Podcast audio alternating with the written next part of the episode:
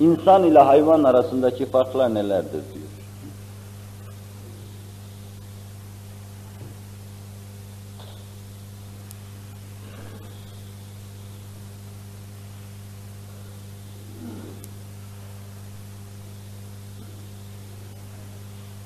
İnsan ile sair varlıklar arasında o bağışlayın hayvan o dediği için ben söyledim.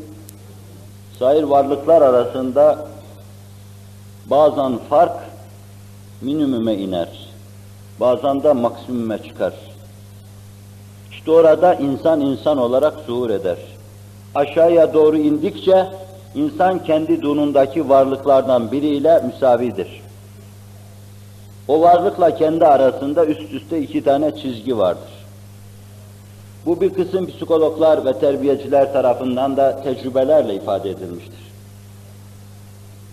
İnsan ekremi mahluk, eşrefi mahluk olarak yeryüzüne gönderilmiştir.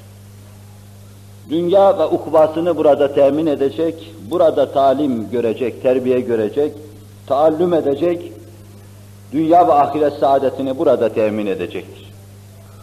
Hilkat itibariyle sair varlıklar, sair alemde her şeyi öğrenmiş, mükemmel olarak dünyaya gelmiş gibi bir mahiyet arz ederler. Minnacık kedi yavrusu dünyaya geldiği andan itibaren annesinden kendisine miras kalan bütün hususları bilir. Önüne bir kıl yuma atı verseniz onunla oynamaya başlar. Onu götürseniz daha dünyaya gözlerini açar açmaz bir tavuğun altına koysanız onun altında neşet etse o yine yumurtadan çıkmış bir civciv gibi hareket etmeyecektir. O kedi gibi hareket edecektir. Bir tavuk yavrusu da kendisine has keyfiyetle arzı didar edecek. O da öyle görünmeye çalışacaktır. Her varlık hayatını sürdürebilmek için Allah tarafından aldığı cihazlarla mamur, mükemmel dünyaya gönderilir. Başka bir alemde talim etmiş gibi, taallüm etmiş gibi gönderilir. Sivrisinek dünyaya geldikten birkaç dakika sonra bir zatın anlattığına göre ben diyor onun yaptığını yapamam. Bir erken harp gibi diyor insana hücum eder. Asasını saldırı verir insana ve sonra insandan kaçmada kerrüfer harbi yapan bir asker gibi kaçar, maharetle kaçar. Ve sonra abu hayat fışkırtır içer. Bir insan bu kadar maharetle işini becerebilmesi için belki 20 sene talim ve terbiye görmesi gerekir. Halbuki bu bunları rahatlıkla dünyaya gelir gelmez yapar. Öyle anlaşılıyor ki sanki başka bir alemde öğrenmişler. Kant ve Schiller insanın kritiği mevzunda bir eser yazmış ve insanı bir bakıma otomot gördükleri bu hayvana hayattan çok farklı yönlerini de anlatmışlardır. Fakat imansızlık içinde mesele tabiata verildiği için ciddi bir çıkış yolu bulamamışlar. İnsanı bir muamma haline getirmişler, anlaşılmaz bir varlık haline getirmişlerdir. Arzu eden okuyabilir, Menkuşoğlu'nun tercümesi var. Fakat iman gözüyle meseleye bakan, insanın kritiğini iman gözüyle ele alan, yani Allah'ın talim ve terbiyesiyle bütün bu işler oluyor şeklinde ele alan, böyle bir muammayla karşı karşıya kalmamış, bunu anlamıştır. İnsan ise dünyaya gelir, dünyaya geldiği andan itibaren çok şey bilmez. Belki sadece o andaki hayatını sürdürebilecek şeyleri bilir. Mesela süt emmesini bilir.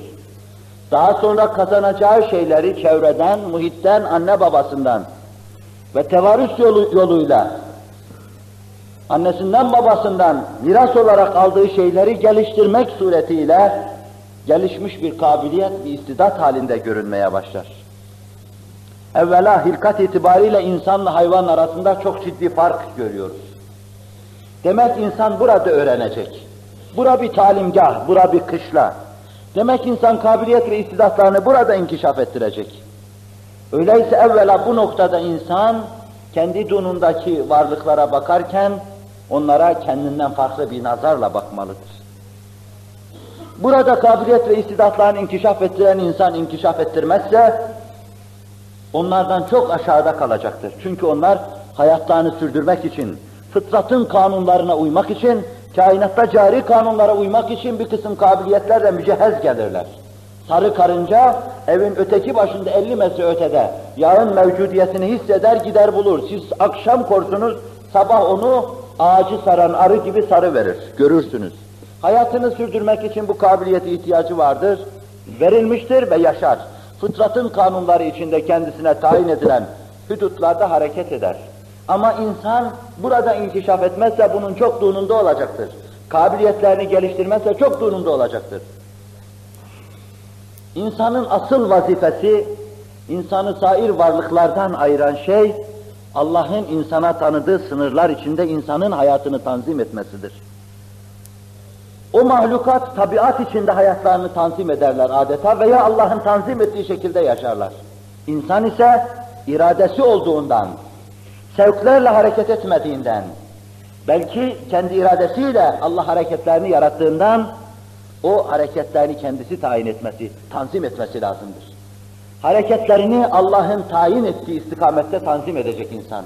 O zaman kainattaki cari kanunlara tevfik hareket edecektir. Yani Kur'an-ı Kerim'i dinlediği zaman tıpkı insan karınca nasıl vazife yapıyor onun gibi vazife yapmış olacaktır. At nasıl vazife yapıyor onun gibi vazife yapmış olacaktır. Af buyurun sığır nasıl vazife yapıyor o da kendisine ait vazife yapmış olacaktır. Ama Allah'ın kanunlarına tevfik hareket etmeyen bunları yapmamış olacaktır. Onun için bir noktada insan behimi hislerini yaşadığı müddetçe onu değerlendirmeye kalkarsak kendi dunundaki hayvanlara, canlılara müsavi durumuna düşmüş olur. Yakın zamanda Avrupa'da Alexi Karel'in de içinde bulunduğu bir heyet bir kısım insanları formüle ettiler. Her canlının bir formülü vardır esasen. Nasıl mesela tuzun bir formülü vardır, şapın bir formülü vardır, suyun bir formülü vardır, yemeğin, ekmeğin bir formülü vardır, buğdayın bir formülü vardır. Bunlar bir kısım maddelerden mürekkep şeylerdir. Bu maddeleri bir araya getirdiğimiz zaman bizim mürekkep hasıl olur. İnsanın da sireti itibariyle, manası mahiyeti itibariyle bir formülü vardır. 20. asrın insanını formüle ediyorlar. Hakiki insanı formüle ediyorlar. 20. asrı aşan insanı formüle ediyorlar. Değişik değişik şeyler çıkıyor. Bu asrın insanını formüle ettiklerinde çok acı bir şey çıkıyor. Gazeteler yazdı bunu. Af buyurun. Bu asrın arzularını yaşayan, önüne gelene saldıran, helal haram demeden her şeyi yer içen, ırz namus tanımayan ve kazancı esas alan, hayatını madde üzerine, menfaat üzerine kuran, Brahmatist bir zihniyetle hareket eden insanın formülünü af buyurun, bağışlarsanız arz edeyim yoksa etmeyeyim. Serseri köpek formülü aynen çıkıyor. Serseri köpeğin bir formülü var, bir de 20. asırda böyle yaşayan insanların formülü, harfi harfine aynen ona uyuyor. Tıpatıp aynı oluyor.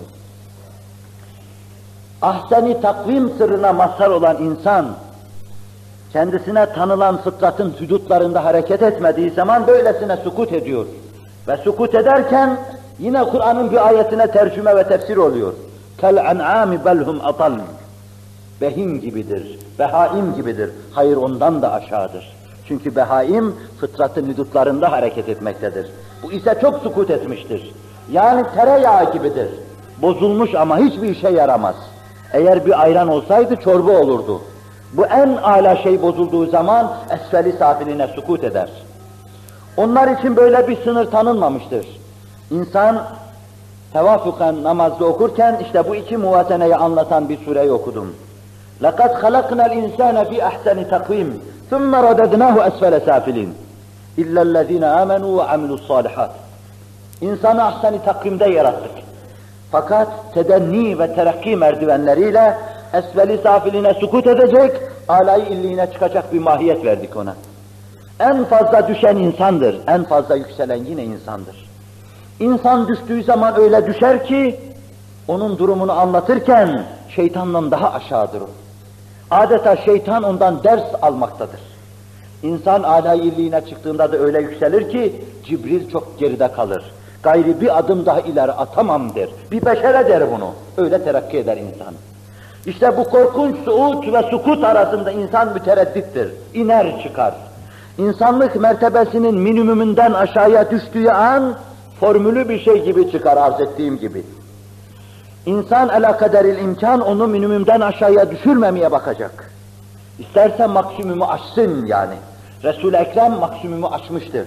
Kabe Kavseyn evedine sırrına mazhar olunca Biz imkan vücub arası bir noktaya ulaştı di- diyoruz. Tasavvufi bir neşve içinde meseleyi arz edecek olursak, Resul-i Ekrem aleyhissalatu vesselam hüviyeti misaliyesiyle o anda Allah değildi çünkü Allah'ın mahlukuydu. Fakat ona o esnada bir hadis, bir mahluk nazarıyla bakmakta o zata karşı belki suyu edep olur. Yani asıl onun nuru mahiyetiyle o anda temessül edivermişti. O anda bütün maddesi, dünyaya ait her tarafı yok oluvermiş, silinmiş. Sade o esnada görünen ilk nurdu. Onun için Nizami o çok oynak ifadeleriyle meseleyi anlatırken en son noktaya vardığı an kendi nurundan başkasını görmedi demektedir. Bu çok derindir. Bu hakikate parmak basmaktadır. Kendi nurunu görüver bu esnada. Yani ilk nur oluvermişti. Evvelu ma halakallahu nuri hadis-i şerifiyle ifade edilen şey olmuştu. İlk Allah'ın yarattığı şey benim nurumdur buyuruyordu. Resul-i Ekrem aleyhissalatu vesselam. İnna lillah ve inna ileyhi raciun sırrı zuhur edivermişti. Allah'tan gelen bu zat ve sonra urucuyla Allah'a yükselmişti. İmkan vücub arası bir makam ihraz etmişti. Bu maksimumi aşma demektir esasen. Kur'an-ı Kerim bunu anlatırken ثُمَّ دَنَا فَتَدَلَّا فَكَانَ قَابَ قَوْسَيْنِ اَوْ اَدْنَا sözüyle anlatmaktadır. İşte bu acip varlık insandır. İnsan kendisi için mukadder bu merdivenlerde ne kadar terakki ederse o nisbette Allah hakkında irfanı, izanı artacak. Kalbini ne nisbette kamçılarsa, duygularını ne nisbette teşvik ederse, şevka getirirse, o nisbette müterakki, alay illiğine çıkmaya namzet bir varlık haline gelecektir. Aşağıya doğru sukuta, Allah muhafaza buyursun, başlarsa esfel-i safiline kadar yolu vardır. Cenab-ı Hak salih amelle bizi esfel-i safiline düşmekten masum ve mahfuz buyursun.